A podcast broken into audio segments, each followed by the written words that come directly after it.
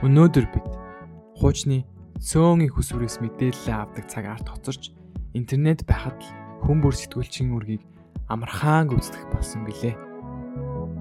Мэдээллийг түргэн шуурхай олон их сурвалж, олон өнцгөр хүлээн авах боломж бүртгэхийн зэрэгцээ худал мэдээ, хид туйлшрал, талцсал зэрэг цөөнгөө асуудлууд мөн бий болсон. Сонирхсан сэдвийг өгүүлэхэд та эцэс төгсгөлгүй мэдээлэлтэй нүүр тулах болно.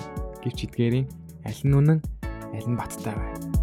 Скет медиагийн зүгээс сонсогч тань зориулж дэлхийд дахинд өрнөж буй олон салбарын үйл явдалд баримттай, нотлогоотой, шинжлэх ухаанчаар хандан нягтлан хүргэж байна. Скетэн нягтлав.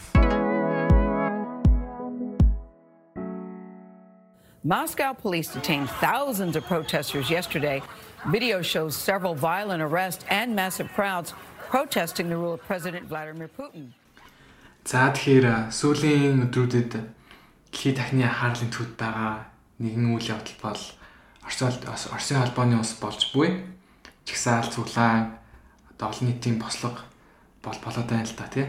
Тэгэхээр энэ хүү үйл явдлыг ярихын тулд бид нэр яалтчгүй Алексей Навальны гэдэг хүний талаар бас яа шаардлагатай болж байна л да. Тэгэхээр хүрлээ Навальны гэж яг хин юм бэ? Энэ хүн одоо яг юу хийсэн болоод ийм үйл явдлыг одоо их одоо үлдэх одоо тий.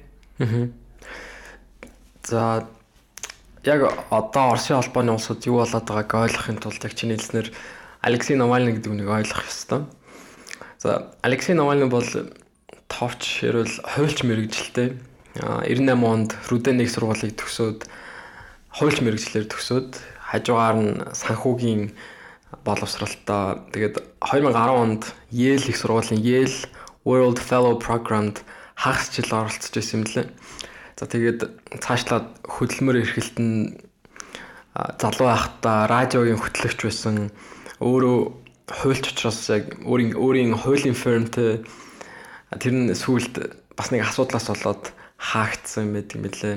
А мөн ийм логистикийн компани ажиллуулж байсан, Аэрофлотын тузад ажиллаж байсан гэдэг олон төрлийн ажил эрхэлж байсан юм байна. А улс төрийн үед гэвэл 2000 оноос 2007 хүртэл Яблоко гэдэг намын гишүүн байсан.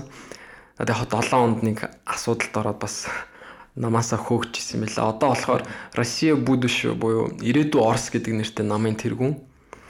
А гэхдээ бидэнд сүүлийн үед их сонсогдож байгаа мэдээнүүд бол түүний үүсгэн байгуулсан ФБК буюу Фонд по борьбе с коррупцией авилгалын эсрэг сангийн хийдэг баримтат кино гэх үү одоо тэрийг сурвалжлага гэх үү ийм бүтээлүүдтэй холбоотой за нь 2011 онд байгуулагдсан. Олон янзын олон төрлийн төслүүд хэрэгжүүлдэг. Олон ч хүмүүсээс санхүүжилт авдаг ийм сан байдаг юм байна. Тэгээд хамгийн одоо гэхдээ хамгийн одоо их хүмүүст хүрч чадсан ажил нь гэвэл YouTube сугаараа дамжуулаад юм улс төрчид парламент болон засгийн газрын гишүүд, орон нутгийн засаг дарга, прокурор, ерөнхий сайд сүлдээ ерөнхийлөгчийн талаар юм баримтат кинонууд хийдэг ийм төсөл нь бол олон нийтийн анхааралт их хүрээд байгаа.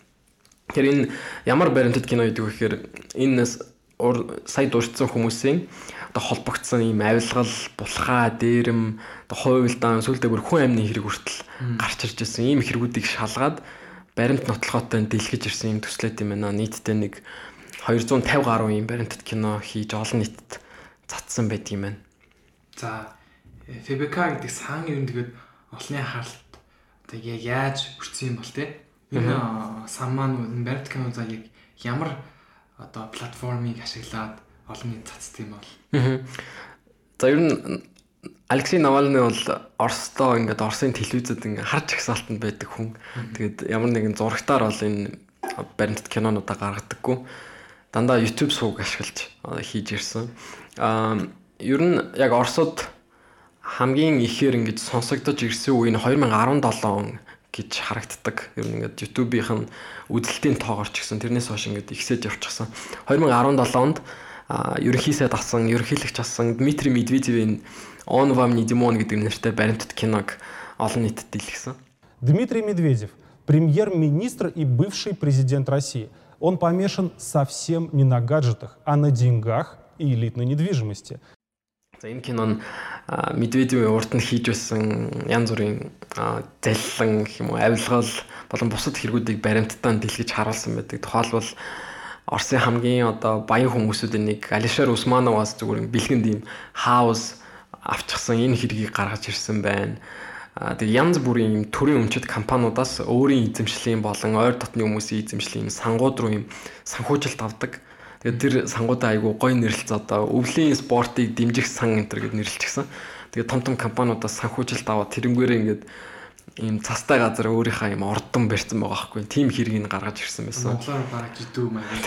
Одоо ингээд тэр бод бас аюу сонирхолтой ин өвлийн спорт дэмжих гэснээр зүгээр өөртөө ийм ордон барьчихж байгаа байхгүй. Тэрийг ингээд баримттаа нь гаргаж ирсэн. А тэгээд Медведев ийм Веноны сонирхолтой байлаа. Тэгээд ерхий сайд ахта одоо өөрийнх нь бизнест нь одоо ашигтай нөлөөлөх үст тийм хуулийн төслүүд санаачилдаг байсан. Одоо Оросын үндэсний үйлдвэрийн винон одоо ноогдох татварыг багасгах төсөлч гэдэг юм уу те. Тэгээ хөдөө аж ахуйн яамнаас одоо тусалцаа үзүүлэх хөтөлбөрүүд хүртэл ингэж хэрэгжүүлж байсан. Тийм нотлохоонууд тийм ер нь бол лобби хийдэг байсан. Тэр нотлохоонуудыг гаргаж ирсэн. Тэр нэг юм нийтдээ нэг 50 минут орчим ийм кино. За 2000 17 оноос хойш одоогоор нэг 42 сая үзэлттэй байдаг юм байна. YouTube суваг дээр. За тэгээд энэ тэг уг киноны дараа бол яг одоо болж байгаа шиг юм чагсаал бас болж исэн юм. 2017 онд. Гэтэ яг одоогийнхтай харьцуулахад арай хүмүүсийн тоон арай бага. Тэгээд нэг арай нэг бага масштабаар болж исэн хэдий ч яг хүмүүс үнэхээр дургуун хүрээд ингээд Дмитрий Медведевийг одоо Димон гэж нэрлээд байгаа. Димон одоо биднэрт энэ дээр хариулт өгөөч гэд. А чөтгөр биш. Димон гэдэг нь одоо нөө Дмитрий гэдэг нэрийг нөө найзууд нь одоо хоорондоо дуудахтаа одоо одоо оргил гэдгийг оргоо гэдэг шигтэй хүрл хатар гэдгийг хүрлээ гэдэг шиг Димон биднэрт ингээ хариу өгөөч гэж ер нь талбай дээр гарч ирсэн юм бит юм л 2017 онд. За тэгээд энэний дараа 2017 онд энэ гарсны дараа Навальны яг тэр үед ингээд сонсогдож эхлээд ер нь өөрийнх нь рейтинг нь өсөж исэн, эн тэнд харагддаг болсон, хүмүүс хоорондоо ярьдаг болсон. Тэгээд үүний дараа 2018 онд ерөнхийлөгчийн сонгуул болоход Навальны бол нэр дэвшсэн. А ер нь нилээ их хүмүүсээс юм дэмжлэг авсан юм гар урсаг цуглуулад тэгээд ерөнхийлөгчд нэр дэвших гэтэл өмнө нэг холбогдчихсэн Кировлесийн хэрэг гээд тэр нь сөхөгдөж гаргаж ирээд сонгол ерөхий ороогоос бол эрхийг хассан байдаг юм бэ? Тэр нь бас нэг юм бизнес хийж байхдаа нэг гаргасан нэг юм юу байсан юм шиг ба.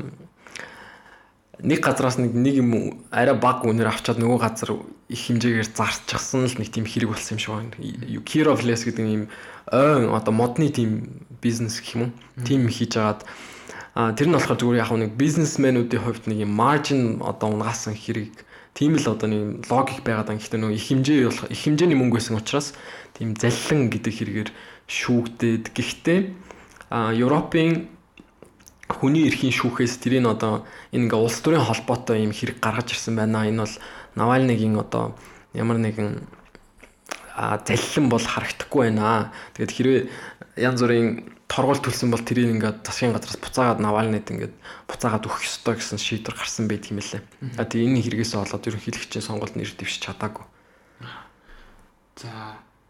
За тэгэхээр Навальны маань саяхан бас 2020 онд одоо өнгөрсөн жил хэдхэн сарын өмнө хордлцсон байгаа тийм. Тэгээд энэ хордлогын талаар яриа яаж яагаад хортож байгаа вэ? Энэ юу болчих вэ? Энэ бас л нэг ФБК-гийн үйл ажиллагаатай холбоотой гэж харагддаг. 2020 онд Оросд 9 сард орон нутгийн сонгуул болох ёстой байсан. А тэгээ тэрний өмнө Навальны энэ тентгийн хотуудаар яваад Сибирийн хотуудаар явж тэр орон нутгийн засаг даргууд, иргэдийн төлөөлөгч дуурлалын даргуудын хийж байгаа тэр булхаануудыг гаргаж ирсэн баримтат кинонууд бас ингээд олон нийтэд цацсан. Тухайлбал Новосибирск, Томск хотуудын одоо ийм дулааны цахилгаан станцыг одоо халаалт үзүүлд одоо халаадаг тэр дулааны цахилгаан станцыг нэг одоо гişүн ингээ өөрийн хувийн болгоод авсан байгаа байхгүй төрийн өмчт компаниг. Тэгээ тэр энтер баримтыг гаргаж ирээд хамгийн сүүлд Томск хотод бичлэгээ хийчээд Томскоос Москва руу нисэж явах онгоцонд ингээ би энэ муутаад тэр нэг бичлэг яваадсэн тий. Тэр бүр орилоо. Орилоод тийм бүр шаналж байгаа тэр нэг бичлэг. пойдем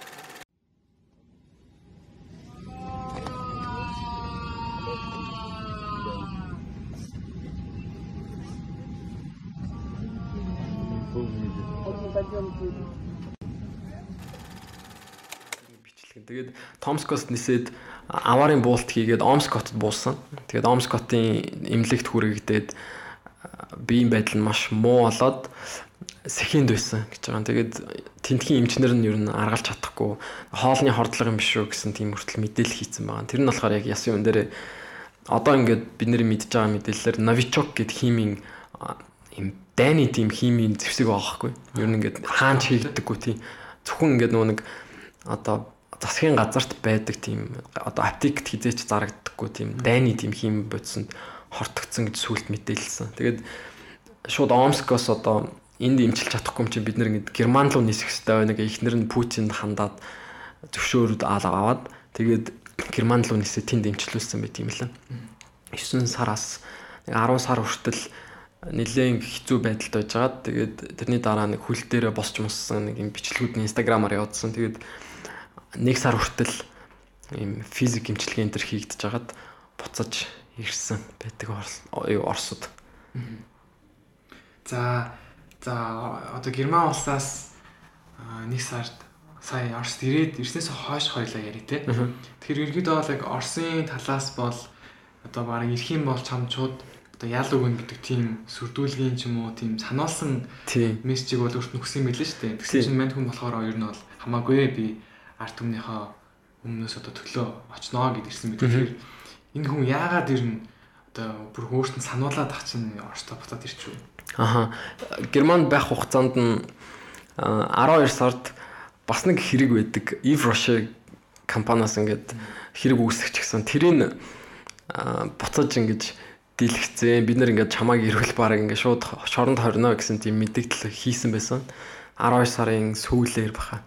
Тэгсэн ч гэсэн Навальны а ер нь энэ хүн чинь улс төрч болохоор одоо Оросын улс төрт үзэж байгаа хүн ингээ Германаас ингээ юм хийгээд байж болохгүй тий. Яг өөрийнхөө улстай байх хэвээр. Дээрээс нь одоо ийм мэдээлэл хийсний дараа очихгүй байвал бас нэг тийм муу имиж үүсэн тий. Одоо хулчгаар гэдэг юм уу. Нутагтаа ирч чадахгүй ингээл Германаас янз бүр юм блогер юм шиг ингээд ийм бичлэг хийгээд байдаг. Тийм имиж бас хүсээгүй байх гэж бодож байна. За тэгээд 1 сарын 17-нд буцаж ирсэн. Оросод. За тэгээ тэнд бас аюу сонирхолтой юм болсон байт юм лээ. Зүгээр ингээд иргэний агаарын тээврээр Победа гэдэг компаниар ингээд ирсэн. Внукова гэдэг нисэх буудлын дээр буух байсан боловч онгоцных нь маршрутыг өөрчлөөд Шереметьево гэдэг онгоцны буудлын дээр буусан. Тэгээс тэнд нь ингээд паспорт контрол дээр шууд баримтлаад авчихсан. Ер нь тэр Шереметьевыг бүсэлчин бүсэлчихсэн байсан юм лээ. Яг тэнд ажиллаж байсан BBC Russia-гийн нэг сэтгүүлчин ярианаас сонсоход хүмүүс оруулахгүй. Зөвхөн ингэ сэтгүүлч нарыг л оруулсан. Яг зүгээр ингэ нисгэж байгаа хүмүүсийг хүртэл ингэ оруулахгүйсэн гэж байгаа. Тэгэхээр ингэ тийм хэмжээнд ингэ Навальныг одоо улсад нь угтаж авсан байт юм л. Тэгээд паспорт контрол дээр шууд баримтчилж аваад цагдаагийн юм жижиг юм өрөөнд суулгаж агаад аа шууд одоо юм шүүгч нь ороод ирсэн гэж байгаа. Ингээд янз бүрийн хүмүүс орж ирээд телевизийн сэтгүүлч нар орж ирээд Навальны өөрийнхөө одоо хуульчтайгаа ч хүртэл ярьж амжаагүй байхад шүүгч орж ирээд цагдаагийн ингээд юм өрөөнд ингээд чиний энэ хэргийг чи ингээд буцаад сэргээсэн. Өмнө байсан тэнцээ ялгаж одоо ингээд чамд жинхэнэ ял болох гэж байна. Гэхдээ эхний ээлжин чам 30 21 20 гэдэг юм шийдвэрийг шууд цагдаагийн тийм өрөөнд дотор хийцэн. Явуулын шүүгч болсон байна. Тэр нь бол тийм шүүгч нар цагдаагийн одоо байран дээр тэгж очдог шүүхээс гадуур тэгж одоо ялын оноодог шийдвэр гаргадаг үйл явдал нь болдог лөө. Тийм тийм юм яг нэг одоо шүүх хүрлд орох хэвээр үн биеийн байдал муу бол нэг имлэг имлэг дээр очдог тийм практик байд юм шиг л. Тэрнээс яг цагдаагийн газар тий шууд шүүгч нь өөрөө ирээд тэгсэн тохиолдол бол юу н байдаггүй гэсэн. За за тэгээд ингээд ялын уншчлаа. Тэгсэн чинь яг бүх үйл явдал гэсэн маа тий. Орстой айраа бол залуучууд хүмүүс зудам дээр гараад жагсаал хусан хийж гэлсэн тий. Тэрийн жагсаалын талаар яг яриад үг.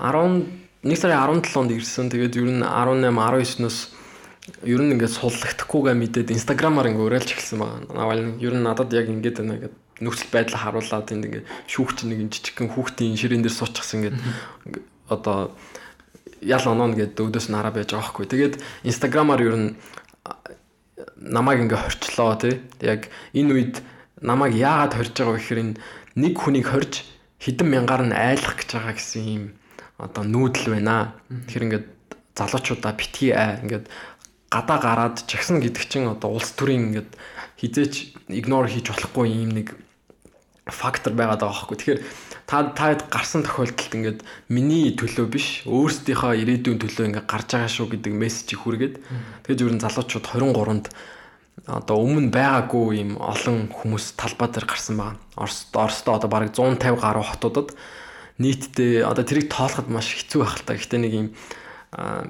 бүр хийлсэн тоогоор нэг 100 гаруй мянган хүмүүс ингээд гарсан гэж байгаа гадаа. Тэгээд тэр хүмүүсийн их нь одоо Навальны биш ингээд Путиний эсрэг ингэж гарсан тийм лозунгтай байсан сонирхолтой. Одоо Навальныг сул биш Путин чи одоо яриад тэнд нээж гэдэг юм уу те. Тиймэрхүү юм лозунгтай гарсан байдаг юм лээ 23-нд. Тэгээд тэрнээс хойш яг нөхцөл байдал бол сайжраагүй. Аа тэгээд ер нь энэ тэнцэн ялын ингээд жинхэнэ ял болгоод 3.5 жил хорно гэдэг ийм одоо мэдээллүүд явж эхлэхэд Навальныгийн баг нь дахиад 31-нд одоо бид нар гарах хэрэгтэй байна гэд дахиад гарсан байгаа. Хүмүүс бүтэн сая өдрүүдээр ингэж одоо Москва, Москва, Питер, Санкт Петербургт хоёрт ингээд төв замаар ингээд явахын одоо машин явах эцгүй ингээд хүмүүс ингээд гарчихсан. Тиймэрхүү том үйл явдал болсон. Тэгээ их нь ер нь залуучууд харагдчихсан. Одоо хагас бэлдсэн байгаа тийм. Тэр яг сошиал медиадаар ингээд харж байхад одоо нилээх их залуучууд бүх цагдаа нарт ингээд цуснуучаар гартлан дуулчихсан тийм зур зураг бол харагдчих байсан л да. Зачем вы это делаете? Вы воевать собрались? Зачем? Зачем вы это делаете? Тэгээд одоо одоо ер нь бол юу болох юм бол сая одоо Навальныд яг бүр ялын бүр баталгаажуулаад 2 жил 8 сарын 2-нд хядлал болгочлаа тийм. Үүний дараа ер нь бол юу болох юм болов? Тий, сая 2 сарын 2-нд өмнө байсан 3.5 жилийн хэсэг хідэн сарын гэрте хоригдсан байт юм билээ өмнө. Тэгээд тэр нь хасагдаад одоо ингээд 8 биш 2 жил 8 сар ингээд хорих тийм ял идэлхээр болсон. За одоо яг юу болох вэ гэхээр Навальныгийн баг тэрийг одоо ингээд шийдвэр гаргаж байгаа байх. Тэгээд ер нь бол Навальны хоригдох нь ингээд тодорхой болчихсон. Ард иргэдэн талбай дээр гараад чадсангүй. Эхний 23 дахь тэр жагсаал дээр бол эхний үед аюу тийм эвтэй зүгээр ингээ хүмүүс ингээ өөрсдийнхөө дуу хоолойг хүргэж байгаа юм дүр зураг харагдажсэн бол сүүлдээ одоо амон гэдэг нөө тусгай цагтаа тэд нар ингээ зүгээр хамаагүй хүмүүс барьж аваад зодоол машин тэгээд байгаа байхгүй тэрээс тийм аимшигта тийм дүр зураглууд харагдчихлээ. Зүгээр эмхтэн үнийг одоо өшгөлж унгаад гэх юм тиймэрхүү дүр зураг харагдаж байгаа. Тэгэхээр тэрний цаана одоо цагдаа нарыг бас ингээ буруутгахгүй ингээ тэр шийдвэрийг гаргаж байгаа хүн одоо бараг л нэг хүн байгаад байгаа. Тэрийг бол бүгд ингэ хийж байгаа гэдэг юм. Харин тэгээд одоо эндээс ингээд юу харагдаж байна гэхээр аа яг энэ үүмэн саман болж байгаа энэ нөхцөлд залуучууд гарч байна. Тэрийгэ дагаад нөгөө нэг юу олон нийтийн мэдээллийн хэрэгслүүдээр те одоо Оросын том том сувгуудаар бол энэний талаар ер нь дуртахгүй байгаад байгаа. Тэр нь аягүй сонирхолтой. Тийм одоо ерөөсөө би ингээд харж байхад одоо New York Times ч юм уу BBC ч юм уу барууны хэвлэлээр бол суурж байгаа тийм талаар. Ерөөсөө ингээд Оросын одоо Россия нэг ч юм уу те том том суугуудаар ерөөсөө ярихгүй. Тэр жишээлбэл одоо Нидерландын бослогын талаар ингээд тэгжсэн тий. Тийм одоо сонирхол төрөд 23-нд яг энэ бослогын талаар юу ярьж байгаа ингээд том том суугуудаар гүйлгсэн чинь яг гадаа нь болж байгаа бослогын талаар ерөөсөө үг дуртахгүй байлаа. Яг тэгээд нэг юм бослогын дүр зураг харагдсан чинь нөгөөт нь Нидерланд болж байгаа бослого ингээд мэдээгээр харуулж байгаа. Тэгэхээр одоо яг Оросд чөлөөтэй сэтгүүл зүй байна уу гэхээр бас айгүй тийм том асуулттай. Асуултын тэмдэгтэй. А яг одоо яах вэ гэхээр а сая ингээд талбай дээр ингээд жагсан хүмүүсийн төрөн хэлснээр их их нь Путиний эсрэг юм лозунгтай гарч исэн. Тэр ингээд энэ зүгээр Навальныг энэ хэрэг нь зүгээр юм триггер болсон юм болоо гэж харагдсан. Ер нь ингээ хүмүүсийн толгоонд ингээд хэлхийг хүссэн тэр мессеж нь аль хэзээний байсан. А яг энэ үйл явдал нь ингээд яг үдэж сэтрэж өгсөн юм шиг харагдсан ер нь. Тэр миний ойлгож байгаа болохоор Навальны Путин гэсэн хоёр хүний л одоо улс төрийн дайн ч юм те. Иймэрхүү юм болоод байна гэж би хаад байна л да. Энэ зөв үү? Тийм ер нь дайн гэж хэлэх жоо хэцүү. Минь одоо надад харагдж байгаа зураглаар нэг нэг том ахан дүүгээ дэрлэж байгаа юм шиг л. Одоо ер нь бол 20 гаруй жил ингээд ирэх барьцсан хүн одоо бүх эрх мэдэл нь байгаад хахад Навальны бол яг ганцаараа явж байгаа нэг тийм хүн байгаад байгаа. Тэгээд бас бас нэг утгаараа ингээд Навальны одоо ингээд бүх юм нь ингээд сайн байна уу гэхээр бас тэгж хэлж болохооргүй. Тийм одоо би бол яг хоо түрүүний ингээд ярьсанаа сонсож явах Навальны тийм цагаан даалгавчтай одоо бүх юм болдог. Бүх юм арт түмний хотлоо хийж байгаа нэг тийм дагин юм энжелэг санагдаад байна. Энэ үнэн эсвэл цаадахтаа нэг тийм дал цанаа байгаад нь Навальны Аа яг энд хариулахад хэцүү юм. Яагаад гэвэл яг иймэрхүү одоо үйл ажиллагаа хийж байгаа Навальныгийн гол зорилго нь юу юм? гэхээр бас аюу асуудалтай. Яг өөрийнх нь ярьж байгаа зүйл нь хийж байгаа зүйл нь арай нэг өөр байгаад байгаа юм шиг харагддаг. Жишээ нь түрүүний хэлснээр Медведевийн талаар кино гараад тэгээд ингэж рейтинг аваад дараа жил нь шууд ерөнхийлөгчөд ингэж нэр дэвшиж байна гэдэг нь нэг анх тэр киног хийх одоо сэтэл нь юунаас төрсөн бэ гэхээр магадгүй тийм магадгүй зүгээр л би ерөнхийлөгчөд нэр дэвших гэж иймэрхүү төсөл санаачилсан юм болоо саяны 20 оны сонгуул арч гэхэд яг адилхан. Яг сонгуулийн өмнө ингээд ийм том том зүйлүүд гаргаж ирдэг. Сая хүртэл Путиний талаар а бас баримтат кино хийсэн нэлээд том кино. Өөрийнх нь нэг ордны тухай. Тэгээ тэрийг бол дэлхийд даяар бол тэрийг шуурж байгаа тий. 110 мянган хүмүүс үзсэн байсан YouTube дээр. Сая хүн, сая хүн тийм. Тэгэхээр ингээд Навальныгийн бас яг өөрийнх нь одоо тэр хуу хүнийг харж үзвэл яг худлаа үнэн мэддэхгүй яг тэр хэрэг бол үнэн үг нь мэддэхгүй гэхдээ маш олон хэрэгт орооцолддог.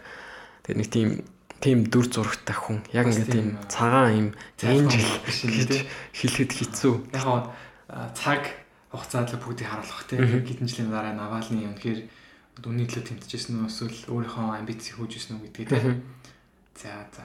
Нөгөө нөгөө талаас одоо бид хэдэд ингээд сурж болох тий харж болох нэг юм зүйл нь аа эсрэгээрээ зүгээр арт иргэд нь өөрийнхөө дуу хоолойг хүргэх гээд ингээд гадаа чагсаал хийж явах тусгай цагтаа авчиад ингээд зодод бүгдийг хорж байгаа тийм нэг хүн байгаад байгаа тэгээ цаана ол 20 гаруй жил ингээд ирэх мэдлэлт байчихсан хэвлэл мэдээллийг ингээд атгачихсан нэг тийм хүн байгаад байгаа. Тэгэхээр энэ үйл явдлыг одоо ингээд хүмүүс өөр өөрөөр л харддаг юм байлээ. Одоо зүгээр байхад нь ингээд нэг үмэн самуун дэгдэж байгаа нэг юм залуу гээл одоо Навальныг буруутгадаг нэг хүмүүс байна. А эсрэгээрээ яг ингээд болохгүй байгаа зүйлийг ингээд гаргаж ирээд зураг гаргасан энэ хүнээ ингээд үнэхээр энэ зүгээр ингээд дээрлэхэд байхгүй байгаа хэрэг ингэж оноогоод ингээд шоронд хийчихв гэдэг гэж хардаг хүмүүс бас байна.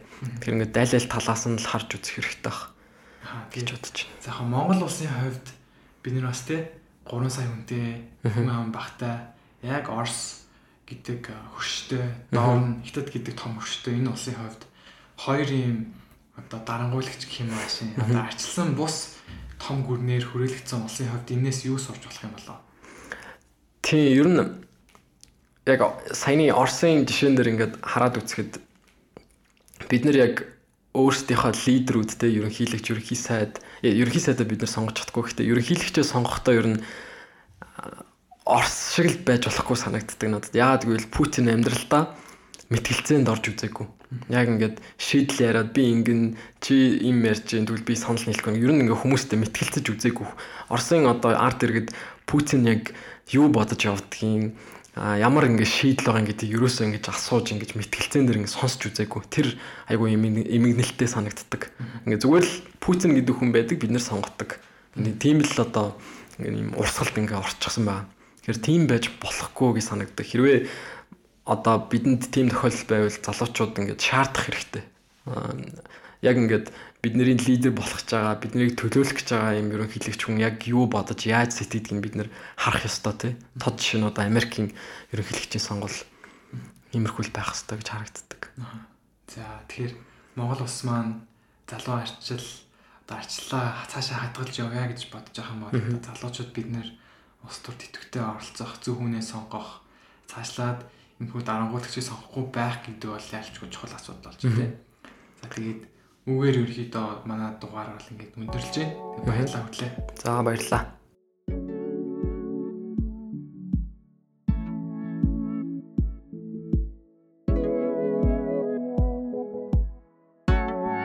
Та Скетэн медиагийн Нэгтлов подкастыг хүлээн авч сонслоо. Энэ дугаарын мэдээг хөтлөгч хүрлээ. Оргил нар нэгтэлж Sound Engineer Boya Açlı.